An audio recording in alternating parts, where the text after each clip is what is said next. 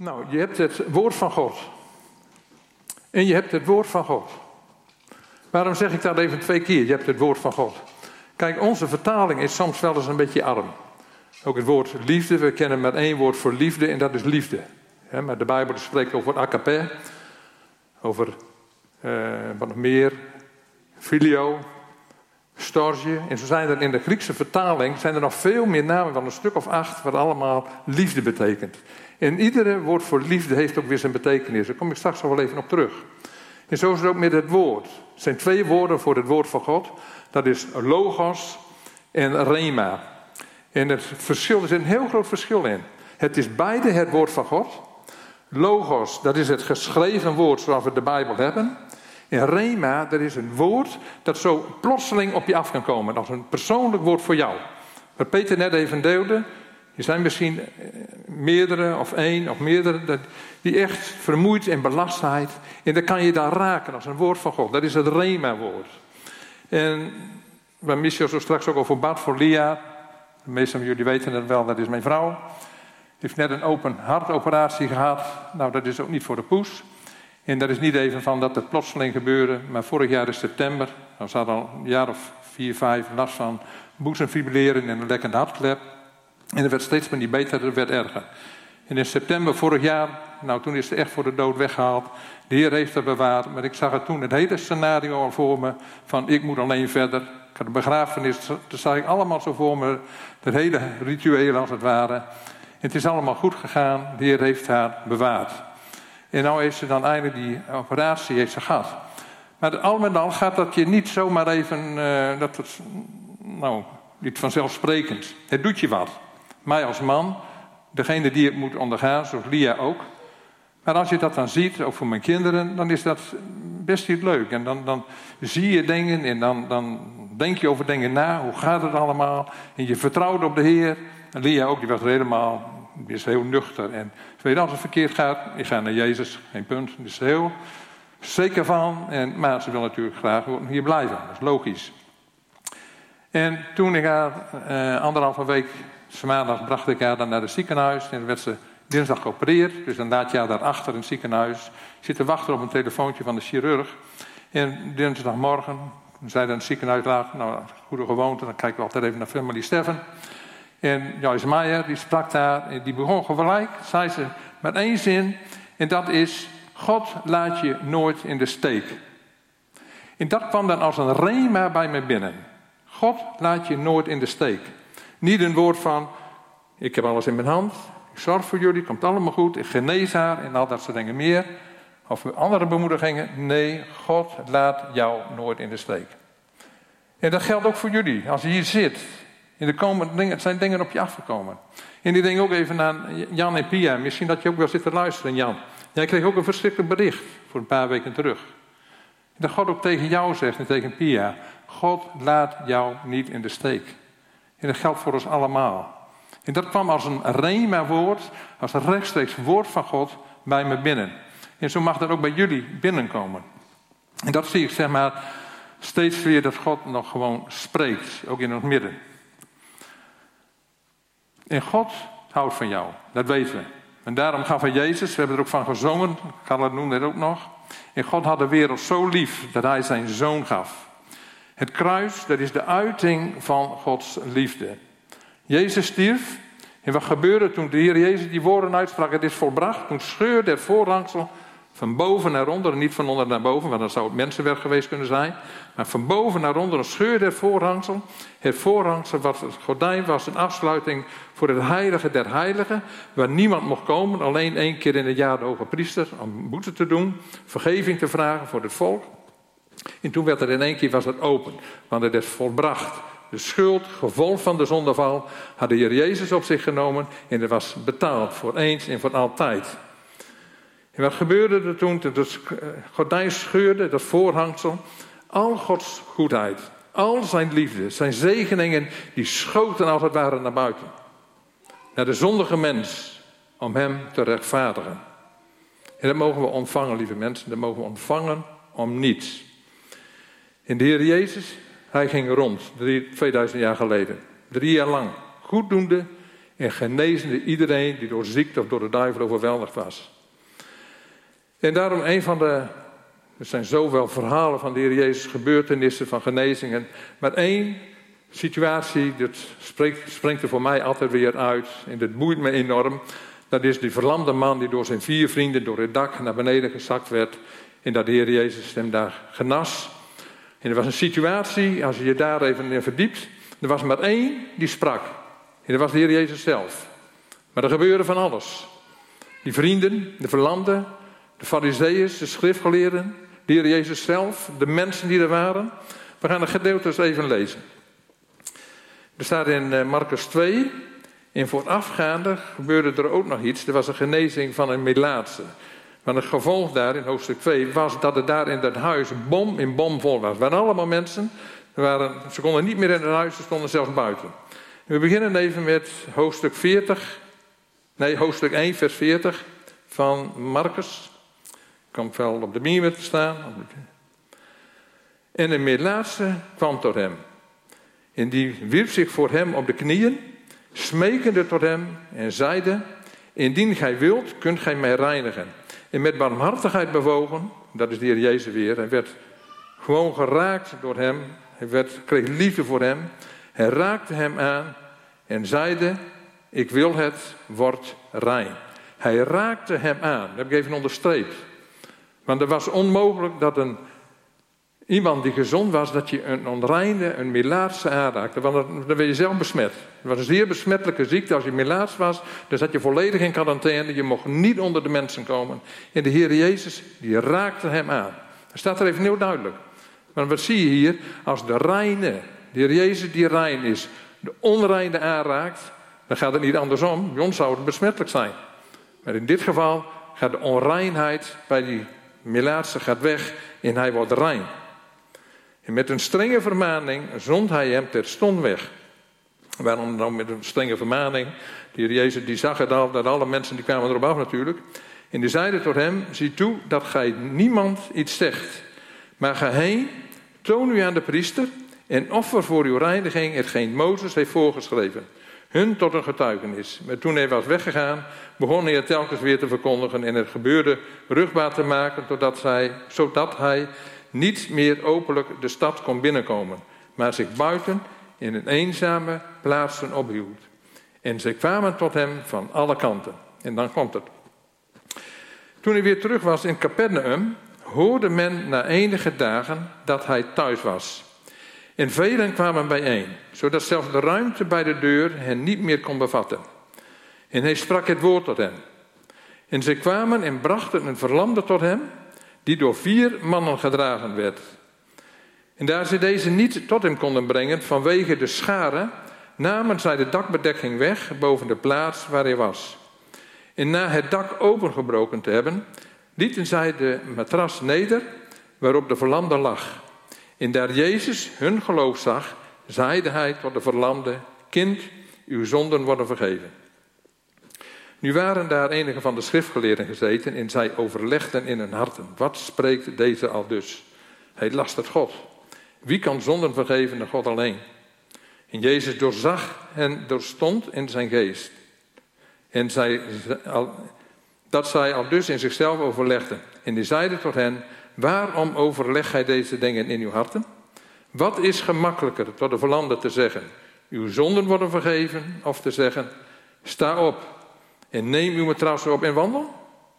Maar opdat gij mocht weten dat de zoon des mensen macht heeft op aarde zonder te vergeven, zeide hij tot de verlamde, tot u zeg ik, sta op, neem uw matras op en ga naar uw huis. En hij stond op, nam terstond zijn matras op en ging voor allen nog maar buiten, zodat zij allen ontzet waren en God verheerlijkten, zeggende, zoiets hebben wij nog nooit gezien. Tot zover. Prachtgedeelte. Heb je dat ook wel eens, dat als je aan het lezen bent, dat je gedachten ook wel eens even een andere kant uitschieten? Dat had ik ook. Maar ik heb één ding vergeten. Ik moest jullie even de hartelijke groeten doen van Carlien. Carlien die appte mij nog even, om een uur of acht, half negen, ik weet niet meer, dat zij gaat voor in de KPN, PKN-kerk in, KPN, PKN-kerk in Ten Post. En uh, dus we wensen elkaar even een zegen toe. En ik moet jullie de hartelijke groeten doen. En dat vind ik heel mooi, dat het kan. Dat, dat er gewoon ook, dat onze voorgangers, onze leiders, ook in andere kerken spreken. Vroeger was het allemaal veel meer van gereformeerd sprak in de gereformeerde kerk. Eh, evangelisch, Pinkster in, in de evangelische kerk. We hebben ook nu een doopsgezinde predikant in ons midden zitten. Rini, hartelijk welkom. Ik ken haar heel goed van uh, Platform Kerk in Aardbeving. We hebben heel wat gesprekken, ze zit meestal ernaast me. Die wou ook even hier eens even kijken. Wat is het mooi, lieve, eh, lieve mensen, dat die muren wegvallen. En dat we met elkaar, we de Heer Jezus erkennen als onze heiland, als onze verlosser. Dan zijn we één in Hem. Nou, dat schoot me even te binnen terwijl ik dit aan het lezen was. Maar we gaan even terug naar dit gedeelte. Kijk eens even naar deze situatie. In hebt probeer dus een, een, plaatje, een plaatje erbij te scheppen. We lezen dit heel gewoon als een gebeurtenis. In de eerste plaats, er waren al heel veel mensen, ze konden er niet in. En ze hadden net gehoord van die Melaatse die genezen was. En men hoorde dat de Heer Jezus terug was in Capernaum. Men vloog er mee af. Nou, als je kijkt naar de spijziging van de duizenden, vijfduizend eh, vrouwen en kinderen niet eens meegerekend. Dus als de Heer Jezus ergens kwam en hij sprak het woord, vlogen als, ja, op honing af, zeg maar, zoals je dat wel eens zegt. En hij bracht het woord. Nou reken maar als de Heer Jezus het woord brengt, dat je een volmaakt woord hebt. En toen kwamen die vrienden eraan. En hoe zou die situatie geweest zijn? Stel je dat even voor. Die vier vrienden, die hebben een vriend en die is verlamd. En dan horen ze dat de Heer Jezus hier is. En die zegt tegen die verlamde van, kom op, we gaan brengen je erheen voor genezing. En ik geloof, dat kan ik hier uithalen, denk ik dat het zo was, dat die verlamde zei van, jongens, uh, doe geen moeite voor mij, want dat hoeft voor mij niet. Dat lukt je toch niet. Die genezing, uh, ik ben verlamd, klaar uit. Hij was negatief en depressief. Dat kun je er eigenlijk uithalen. Daar kom ik zo op. En de vier vrienden die zetten door en die komen dan met, hun, met die verlamde komen ze aan. En wat gebeurt er? Ze kunnen niet naar binnen. Het is bomvol. Nou, vragen ze, kun je er even ruimte maken? Wij, wij, willen graag met onze vriend naar de Heer Jezus voor genezing, voor herstel. Ja, zegt, die ene zegt, ik kan wel ruimte maken, maar die voorhand, je, je kunt er nooit door. En dan had je maar eerder moeten komen. Nou, tenslotte denken ze wel, we klimmen het dak op. Want er waren allemaal met tegels, staat er in Lucas. We halen die tegels weg. En we laten hem dan naar beneden zakken. Nou, dan moet je voorstellen dat de Heere Jezus, die brengt haar het woord. En mensen zitten vol aandacht naar hem te luisteren. Farizeeën is natuurlijk vooraan. Zitten met de neus bovenop. Farizeeën zitten altijd uh, vooraan, hè? dat weet je wel. Hè? Vandaar dat de familie Doornbos en de familie Van Weren ook altijd vooraan zit hier. Oei, wat zeg je nou? Grapje. Maar dan zie je daar een situatie dat in één keer komt de rommel van bovenaf en er valt naar beneden. Ik denk dat de Heer Jezus ook al even gestopt is en naar boven kijkt, wat gebeurt hier? Toch maar even afwachten wat er gebeurt. En dan in één keer de gat wordt groter en ze laten daar, zo die verlamden, laten ze naar beneden zakken. Vlak voor de voeten van de Heer Jezus. En dat vind ik wel zo mooi. Wat er dan gebeurt. De mensen zaten natuurlijk allemaal in spanning. In de fariseeën helemaal, die zaten te kijken, nou, hoe zal hij dat nou oplossen? Wat zal hij dan gaan doen? En de Heer Jezus, die kijkt naar boven. En als je dan voorstelt, er zit dat gat, die verlamde ligt al beneden. En dan ziet hij daar vier gezichten daarboven. En dan zegt de Heer Jezus, daar hij hun geloof zag. Niet het geloof van die verlamde. Hun geloof ziende. Het geloof van die vier vrienden. Die hadden er alle vertrouwen in, hij wordt genezen. En wat zegt de Heer Jezus dan?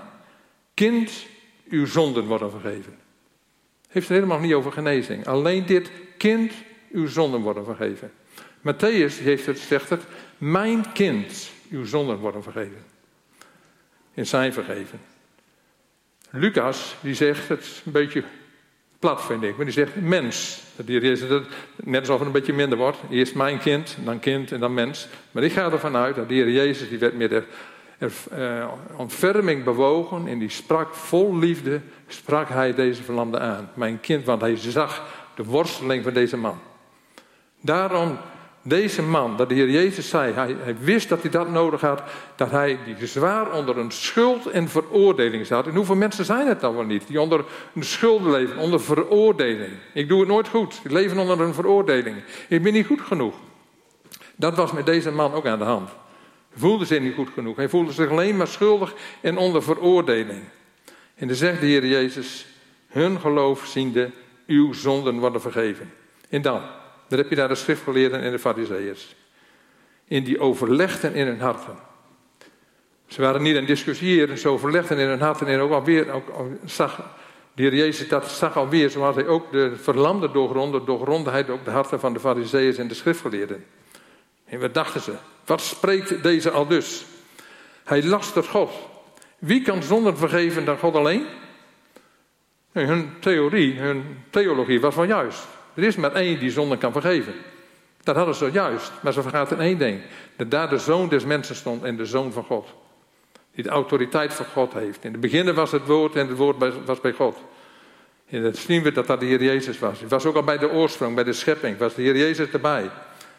Wie kan zonden vergeven? God alleen. De Heer Jezus had de macht om zonden te vergeven. Hij doorzag terstond in zijn geest dat zij al dus in zichzelf overlegden. En hij zeide tot hen, waarom overlegt gij deze dingen in uw harten? Want wat is gemakkelijker tot de verlanden te zeggen, uw zonden worden vergeven, dat kunnen we gemakkelijk zeggen. Of te zeggen, sta op en neem uw matras op en wandel. Je zou dit als mens zijnde, dan zou je ze zeggen van, nou ik zal ze eens even een poepje laten ruiken. Ik zal ze eens even laten zien wat ik kan. Welke macht dat ik heb. En zo zat de Heer Jezus beslist niet in elkaar. Dat hij ze even wat wilde laten zien. En jullie kunnen je heel wat verbeelden, maar ik ben hier de zoon van God. En ik maak de dienst uit en ik, wat ik wil, dat zal gebeuren. Totaal niet. Zo zou je dat kunnen lezen. De Heer Jezus was altijd nederig. Maar hij was wel een man van God, een man van karakter. Een krachtige persoonlijkheid, maar die nooit boven de mensen ging staan. Maar hier hij was als het ware ook verbolgen in de geest. Dat de, de traditionele, de fariseeën, de schriftgeleerden, die alleen maar het woord, het logos als het ware, als een wet tot zich namen en niet zeg maar gingen kijken wat, hoe spreekt God door Rema. Daar was de Heer Jezus verbolgen over. Maar het ging hem om deze verlamde man. Deze man die onder schuld lag en onder veroordeling, die wou hij redden. Daarom heeft de Heer Jezus ook altijd de individu op het oog. Ook de massa, hij had de wereld zo lief, omdat een ieder, heel persoonlijk. En dat geldt ook voor deze verlamde man. En dan zegt hij, maar opdat gij moogt weten dat de Zoon des Mensen macht heeft op de aarde, zonder te vergeven, zeide hij tot de verlamde, tot u zeg ik, sta op, neem uw matras op en ga naar buiten. En hij stond op, nam terstond zijn matras op en ging voor aller oog naar buiten, zodat zij allen ontzet waren en God verheerlijkten, zeggende, zoiets hebben wij nog nooit gezien. En als je in het Lucas-evangelie eh, leest, die zegt van, ze verheerlijkten God en met, werden met vrees vervuld. Dat was de reactie van de grote massa van de mensen. Ze, werden, ze verheerlijkten God en werden met vrees vervuld. In die vrees, dan moet je niet denken dat dat een angst was. Oeh, de heilige God en wat gebeurde er allemaal? Nee, maar met een diep respect en eerbied voor God. Dat was het resultaat. Geen hoogmoedige, trotse Heer Jezus die, als het ware, ik zal jullie eens even wat laten zien. Nee, maar ze, werden, ze verheerlijkten God en ze werden vervuld met respect en met eerbied. Dat vind ik een hele mooie reactie, zoals Lucas dat weer omschrijft. En weet je wel dat gered worden eigenlijk heel simpel is? Dat je daar eigenlijk niks voor hoeft te doen? Om gered te worden? Om het eeuwige leven te ontvangen? We denken soms dat we daar hele stappen en hele rituelen voor moeten nemen. Hele bepaalde dingen doorlopen, dingen oprakelen, zoeken. Waar, wat staat er nog tussen God en mij in? Waar moet ik vergeving voor vragen? Wat staat er allemaal tussen mij en andere mensen in? Het is eigenlijk heel simpel. Waar staat in de Bijbel dat je een heel traject moet doorlopen van zonden beleiden, zaken rechtzetten, goede werken doen, lief zijn, je naaste lief hebben, de wet gehoorzamen, noem maar op. Waar staat in de Bijbel dat je dat moet doen voor, om gered te worden? Je doet deze dingen wel, dat is heel iets anders. Maar de Heer Jezus zei niet tegen die verlamde man, dan moet je even luisteren. Ik weet waar je mee worstelt. Je voelt je onder een schuld en onder veroordeling. Noem even die dingen op. Ik weet waar je mee worstelt. Vraag vergeving en je zult genezing ontvangen. Zegt de Heer Jezus niet. Dat zei hij ook niet tegen die, tollenaar. Hij zei tegen Zacchaeus de tollenaar, die komt bij je eten. Hij viel bijna uit de boom van schrik. En hij zei niet tegen Zacchaeus van je moet dit en je moet zus en je moet... Tegen die rijke jongeling, die zei hij wel. Waarom zei hij dat tegen de rijke jongeling? Omdat de rijke jongeling, die, hij vroeg aan de Heer Jezus, wat moet ik doen? Nou, zegt de Heer Jezus, als je dat wil, dat je jezelf wilt ervaren, dan moet je dit doen, moet je zus doen. Dat heb ik allemaal gedaan. Ik heb de hele wet, als het ware, de Heer Jezus keek hem nog aan, kreeg hem ook nog lief. Maar hij zag zijn oprechtheid. Nou, zegt hij, dan moet je alles naar me verkopen, geef alles maar aan de armen. En kom hier in volg mij, je zult een schat in de hemel hebben. En dat vond hij weer moeilijk. Het is helemaal niet zo dat die jongeling nog niet gered zou zijn. Ik denk dat, ja, omdat hij zo oprecht was, dat hij het echt wel heeft gevonden op de duur. Maar daar gaat het niet om. Het gaat gewoon even dat de Heer Jezus ook dit heel duidelijk laat zien. Waarom zeg ik dat het zo eenvoudig is? Waar lees ik dat in de Bijbel? Nou, voorbeelden genoeg. Je zou over ieder, nou, iedere situatie zou een hele preek kunnen houden.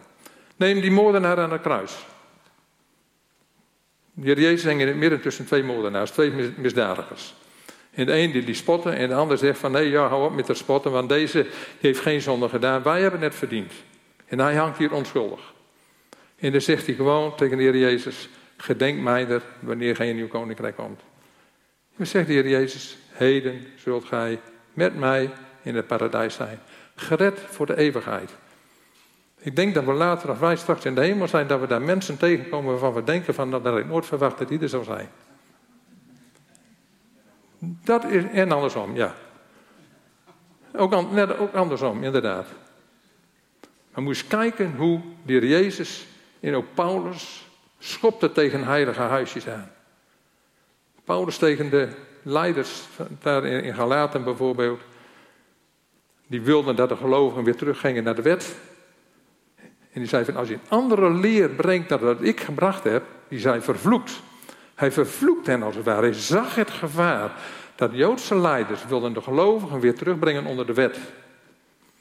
En dat wil helemaal niet zeggen dat we de wet aan de kant moeten schuiven. Maar de wet is volmaakt, is perfect. Maar we kunnen niet gered worden door de wet. En als we maar aan één onderdeeltje van de wet gezondigd hebben, dan zijn we schuldig aan de hele wet. En de Heer Jezus heeft dat voor ons volbracht.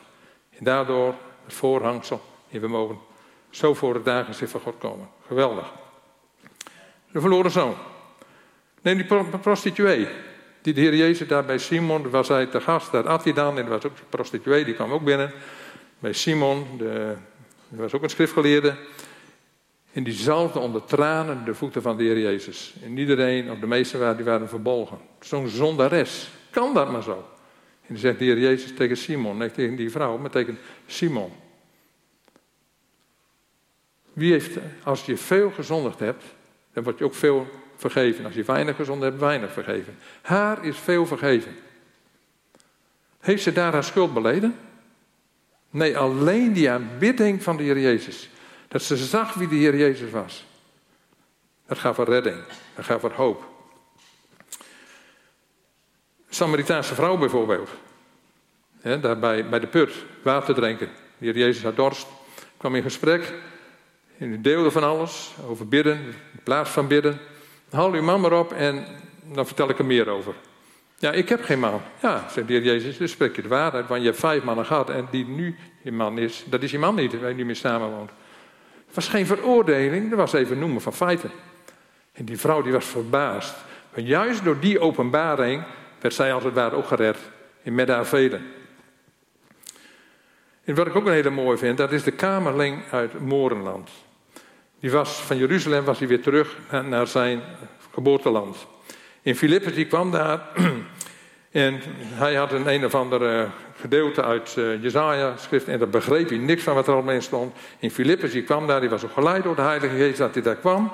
Hij legde de schrift uit. En wat lees je dan in één keer? Oh, daar is water, dood mij. Ja, dan zegt Filippus niet, nou moet je eens even luisteren. Waar worstel je mee? Wat is er allemaal in je leven gebeurd? Dan moet je eerst dat allemaal opruimen, je moet vergeving vragen. Dan mag je je laten dopen en dan ben je gered. Nee, indien gij van ganser harte gelooft, dan is het geoorloofd. Als je het gelooft, als je Heer Jezus aanneemt, als je verlost als je in Hem gelooft, dan is het geoorloofd om je te laten dopen. En hij zeide, ik geloof dat Jezus de Zoon van God is. En toen werd hij gedoopt. En wat staat er dan? En hij ging zijn weg met blijdschap. Het is zo'n mooi evangelie, zo eenvoudig. Daarom zeg ik, gered worden is eigenlijk heel simpel. Want waar lees je dat, dat je eerst je zonde en allerlei moet beleiden? We maken het vaak zo moeilijk. Weet je wat ik ook nog hele mooi vind? Dat is die Romeinse hoofdman. Van al die mensen, je kunt er een hele preek over houden, van al die verschillende voorbeelden. Die Romeinse hoofdman met, die, uh, met zijn knecht, die was ziek. Die zegt tegen die, nou zal ik komen en hem genezen? Nee, zegt die Romeinse hoofdman, u kunt van afstand kunt u gewoon bevelen geven en mijn dienstknecht is genezen. Zegt de Heer Jezus verbaasd. Zo'n groot geloof heb ik in, heel, in Israël niet, niet, niet gezien. Die Syrophonistische vrouw bijvoorbeeld, met haar dochter, die psychisch diep in de, in de put staat. Ja, maar het is alleen voor de honden. Ach nee, het is alleen voor de kinderen van Israël en niet voor de honden, de heiden. Dan zijn we dus ook een heiden. Ja, zegt ze, maar de heiden eten wel van de brokjes, van de overblijfselen. De Heer Jezus weer verbaasd. Groot is je geloof. Dat heb ik nog niet in Israël gevonden. Het waren twee situaties waarvan de Heer Jezus zegt: Zo'n groot geloof heb ik in Israël nog niet, ben niet tegengekomen. Terwijl als je in andere voorbeelden neemt, zie je ook wel groot geloof, en ook bij de, onder de Joden. Maar wat was het verschil met deze twee mensen? Dit waren twee heidenen. Waren niet onder de wet. Laat dat eens tot je doordringen. Hoe vaak denken wij het is niet zo dat we de wet aan de kant zetten, want de wet is heilig, is gegeven, is volmaakt, is perfect. Maar wij kunnen ons niet aan de wet houden om gerechtvaardigd te worden. En die beide heiden hadden daar totaal geen last van. We geloven in de Heer Jezus dat hij het kan doen en ze hadden geloven in het gebeuren. Heel eenvoudig. Dit was bladzijde 1, ik heb nog drie, dus... Nee hoor, wees me niet bang. Maar als je gered bent, dan ga je op weg. En onder die genade, dan komen er vanzelf dingen aan het licht die je gaat opruimen. En het woord van God, dat corrigeert je. Het is niet zo dat je alles maar af kunt doen van uh, alles onder de genade en niks meer. Dat je zegt van ik moet dit en ik moet zus en ik moet zo. Het is genade. Ik ook, uh, vrijdag was dat nog even een gesprek. Ook met een, echtpaar van mijn leeftijd ongeveer. En we kwamen zo even op... Of een kerkelijk leven, ook hier in Loppersum. Ze geloven nee totaal niet, waren er ook niet mee opgegroeid. Vier kerken. Ja, maar wat is dan het verschil? Nou, ik sta net, we hebben alle vier de kerken hebben we fundament, dat is de Heer Jezus Christus en die gekruisigd. Even een beetje met andere woorden, maar je hebt heel gauw weer de talen Kanaans. En dat is het fundament, en daar zijn we één. Maar de beleving is anders. Zo kunt wel zien, zoals wij hier de lofprijs en de bidding hebben, dat is in de traditionele kerk weer heel anders. Zo wordt. Wij doen het op deze manier. Dus zo was ik er even een beetje mee over aan praten. En dat trof me wat ze toen zeiden. Ja, we hadden laatst ook een begrafenis van een of ander, nou, een slager, weet ik wel, maakt het niet uit. En dan zit je daar in zo'n kerk en dan wordt er bijna hel en verdoemenis gepreekt. En gewaarschuwd. Nou, we zijn er ellendig vandaan gekomen. Kijk, in dat beeld, lieve mensen, hebben zoveel mensen die niet geloven, die nooit naar de kerk gaan en niet in God willen geloven. Alleen om deze reden. En het evangelie, dat is blijde boodschap. In het evangelie is geen veroordeling. Het is alleen maar genade. Jezus ging rond, goeddoende. En ieder die overweldigd was door ziekte en, en door, door de duivel. En hij genas mensen. En hebben wij dan correctie nodig? Om steeds ook vanaf de kansel correctie te prediken? Ik las op een uh, kalender, we hebben in onze badkamer, het toilet hangt een uh, kalender allemaal bladen en er staan allemaal uh, krantartikels in van mm, gemiddeld 100 jaar terug. En er was ook even een, blaadje en er stond op, dat was in, het jaar 1905. Dat is ook op die kalender, dat van de kansel van de Rooms-Katholieke kerken werd afgelezen een verbod voor meisjes en vrouwen om te wielrijden. Vrouwen, toen de fietsen in uh, opkomst waren, mochten vrouwen, die mochten niet op de fiets. Nou, wat heeft dat nou met het evangelie te maken? Maar de wet van de kansel, afgekondigd. En zeker mogen we wel dingen noemen, ter waarschuwing. Maar wat gebeurt, wat de gevolgen zijn van zonde in iemands leven, wat dat teweeg kan brengen. Zoals onderwijs over seksualiteit, over het huwelijk. Wat op het ogenblik zo, zo kapot gemaakt wordt, zo onderuit gehaald wordt.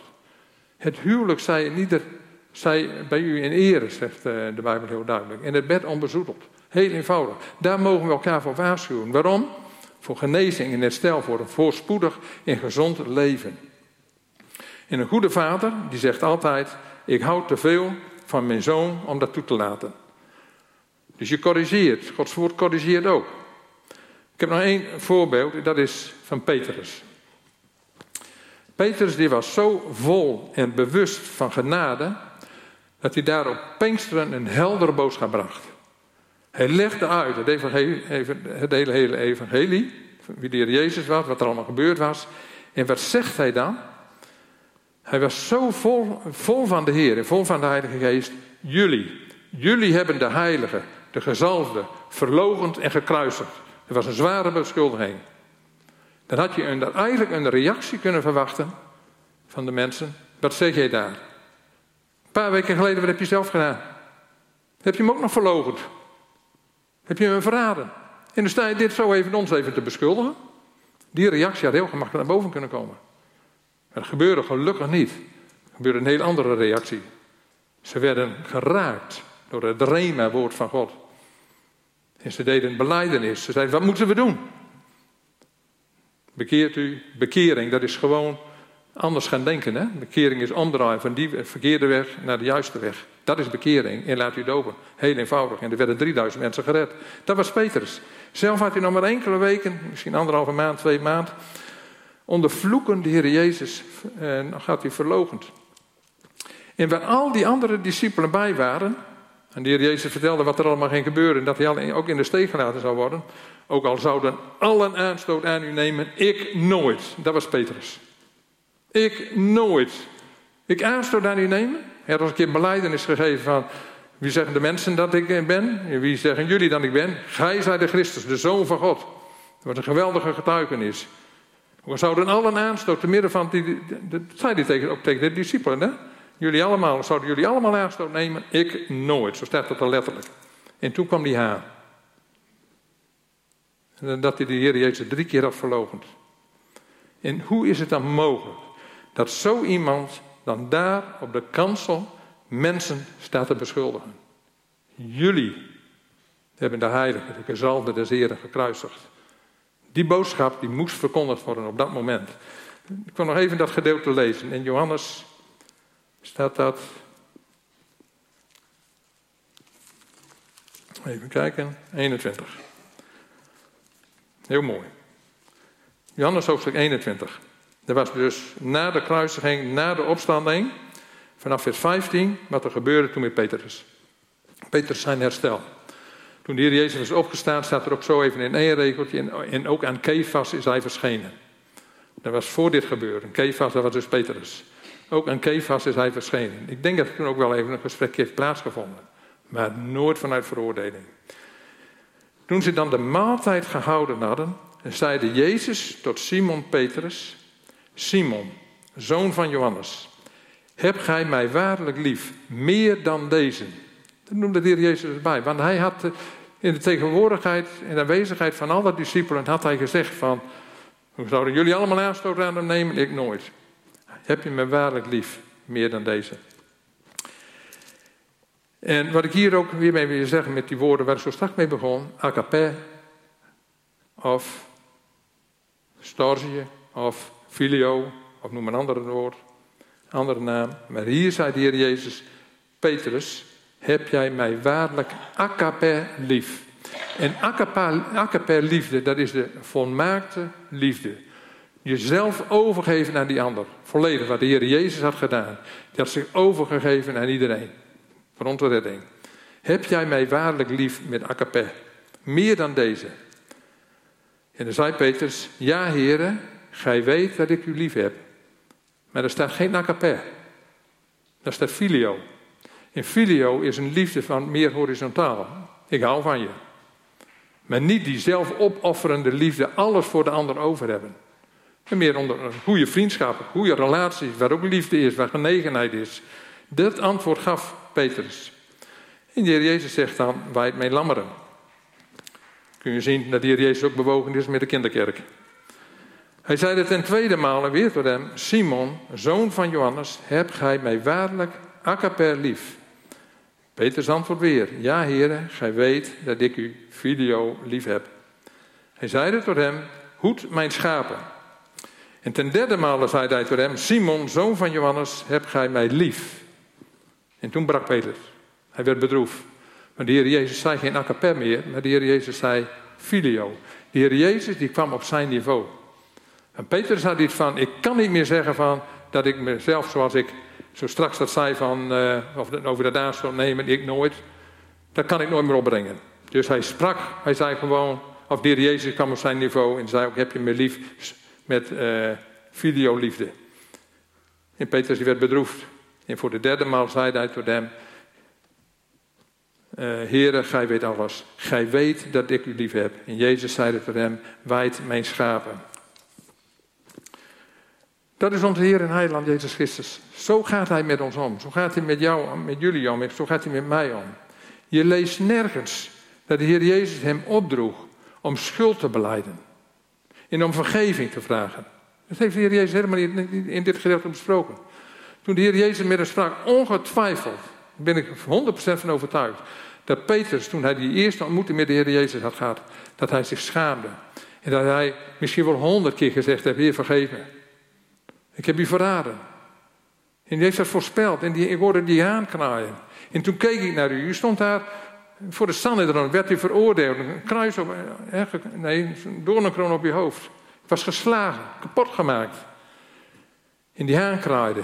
Ik keek naar u. En dus zo staat er ook in de Bijbel. Hè? En de Heer Jezus keek hem aan. Zouden daar ooit ogen geweest van veroordeling? Never. De Heer Jezus die keek hem aan. Met liefdevolle ogen van genade en van vrede. Petrus, ik hou van je. Wat je gedaan hebt, ik hou van je. Ik hou onvoorwaardelijk, hou ik van je en blijf ik van je houden. En Petrus die heeft toen wel vergeving gevraagd. Ongetwijfeld, dat, dat doe je automatisch. We kunnen schuldbeleidenis kunnen we niet op je leggen. Je moet vergeving vragen. Je moet erkennen dat je fout geweest bent. Als je dat doet omdat het moet, dat heeft geen enkele waarde. Maar hier heeft het waarde. Van al die mensen die je genoemd hebt. Die hebben allemaal wel vergeving gevraagd in hun zondenbeleving. Allemaal. Maar niet om hun redding. Niet om gered te worden. Maar vanuit die genade die we hebben ontvangen. Het genade van de Heer Jezus. Dan door de liefde van de Heer Jezus ga je dingen vanzelf opruimen. En wil je leven. Ik heb wel een voorbeeld genoemd van toen ik in dienst was. Toen lag ik in Venray bij Venlo. Dat was in 1965, enkele jaren geleden. En we hadden al verkering. En ik weet nog wel, we gingen ook wel uit met de jongens aan even naar de kroeg. En dat was ook wel. Uh, maar toen was het nog een hele andere tijd als nu. Maar er was geen haar op mijn hoofd die eraan dacht om met een andere meisje te gaan flirten. Waarom niet? Omdat mijn geliefde die zat in, woonde in Groningen. Dat deed je dan toch niet? Vond je dat je helemaal geen moeite mee? Want dat was, als je nog geen verkering had, nou ja, dan had je misschien wel eens even een leuk contact. Maar dat deed je gewoon niet. En zo is het ook met onze relatie met de Heer. Als die echt is, als die puur is, dan wil je niet. Genoeg fouten. Er is niemand van ons die volmaakt is. Allen hebben gezondigd en missen de heerlijkheid van God. En ook al zijn we wedergeboren, ook al zijn we kind van God. We maken altijd ook de overleggingen van ons hart. Ook als je hier zit, heb je misschien wel allerlei gedachten van. Ja, dit, zus, zo, zal het wel. Of misschien wel verkeerde gedachten, goede gedachten. Weet ik niet. Dus niemand van ons is perfect of volmaakt. Maar God ziet ons door de ogen van de Heer Jezus. Hij ziet, als het ware, dat wij met Hem gekruisigd zijn. Onze zonden liggen daar op het kruis. Niet de zonden van het verleden, ook de zonden van het heden. Zelfs in de, zon, de zonden van de toekomst.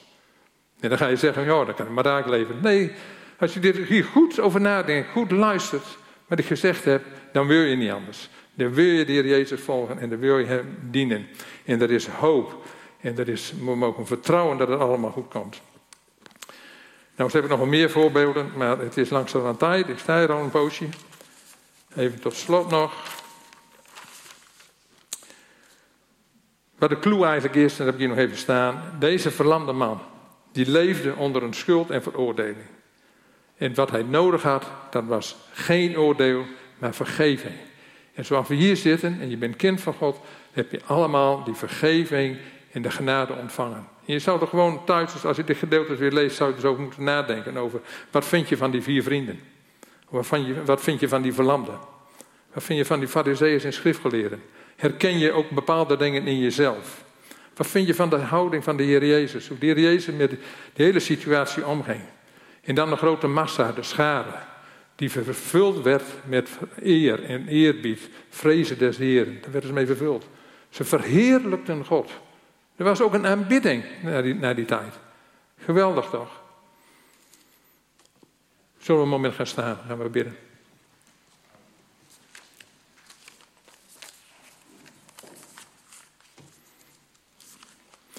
Dank u wel, Vader in de hemel. Als we hier zo staan met elkaar als gemeente, als lichaam van u, onderdeel van uw lichaam wereldwijd. Heren, mogen we weten dat uw hand ook op ons is. Ook op deze gemeente, iedere lokale gemeente. Dat we mogen weten, Heer, waar uw naam beleden wordt, bent u in het midden. Dat u werkt met de Heilige Geest ook in ons. Dat u ook in ons woont. Dat we tempels van de Heilige Geest zijn. Heer, kunnen we eigenlijk helemaal nou niet zo. We wilden soms eens niet eens in. Heer, ik wil u zo danken voor de boodschap van genade. Van de boodschap van geen veroordeling meer. Geen schuld. En als we onschuldig voelen over een bepaalde situatie, wat je vandaag of morgen ook overkomt, dan mogen we dat bij u brengen. Heer, en dan mogen we weten dat we vergeven zijn. Heer, want u zegt ook, nou vergeef, vraag vergeving, zoals u ook de ander vergeeft. En dat mogen we weten. Maar we mogen ook weten, Heer, dat onze redding niet ervan afhangt dat we alles hebben beleden. Maar dat onze redding afhangt om de Heer Jezus aan te nemen als onze heiland, als onze verlosser. Heer, en waar ook vaak zoveel verwarring over is, dat als we bidden om genezing en je wordt niet genezen, dat er dan wel eens gezegd van, ja, je, je gelooft niet goed genoeg. Onzin. Hoe durven we dat te zeggen? Hoe durven we te zeggen dat als iemand erom bidt en hij wordt niet genezen, dat je geloof niet groot genoeg is? Dat is een leugen. U weet wat goed voor een ieder van ons is. En als je hier ook zit met bepaalde vragen, situaties in je leven, lichamelijke situaties, je mag het bij de Heer brengen. En ik wil ook gewoon zijn genezende kracht over jullie uitspreken. De Heer Jezus die genassen ieder die tot hem kwam. En we hebben het zelf ervaren, wat ik zo straks ook al deelde, dat ook de genezing ook van Lia, mijn eigen vrouw, dat ook komt door de wijsheid en inzicht van de medische wereld. En daar mogen we God voor danken, want God werkt daardoor ook heen, door, doorheen. Ons leven en jouw leven is geborgen in God, wat er ook gebeurt. Het eeuwige leven hebben we hier niet op aarde, maar het eeuwige leven hebben we wel. In het eeuwige leven begint niet bij ons sterven, maar het eeuwige leven is al begonnen toen je de Heer Jezus aannam als jouw verlosser. Vader, ik wil zo deze, al deze lieve mensen zegenen. Met de zegen van u. Met de zegen van Deuteronomium 28. Van voorspoed, van genezing, van heling, van geluk, van blijdschap en vrede. Je kunt ondanks, het zelf ook al ervaren in velen met mij, als je diep in de shit zit, in de problemen, in aanvallen van ziekte, in dreiging van de dood, kun je nog die blijdschap en die diepe vrede van binnen in je ervaren wat niemand jou nemen. Want er is een schat die je hebt in een ademvat. In ons lichaam is een ademvat. In die schat hebben we in ons. Heb jij in je. En wil, wil ik jullie mee zegenen. De Heer zegenen jullie. En hij behoede jullie. De Heer doet zijn aangezicht over jullie lichten en die geeft jullie zijn vrede, zijn shalom. Het is de liefde van God en de genade van de Heer Jezus Christus. En ook de troostrijke gemeenschap van de Heilige Geest, dat zij met jullie. Totdat de Heer Jezus weer komt. Halleluja. En de ieder zegt, amen.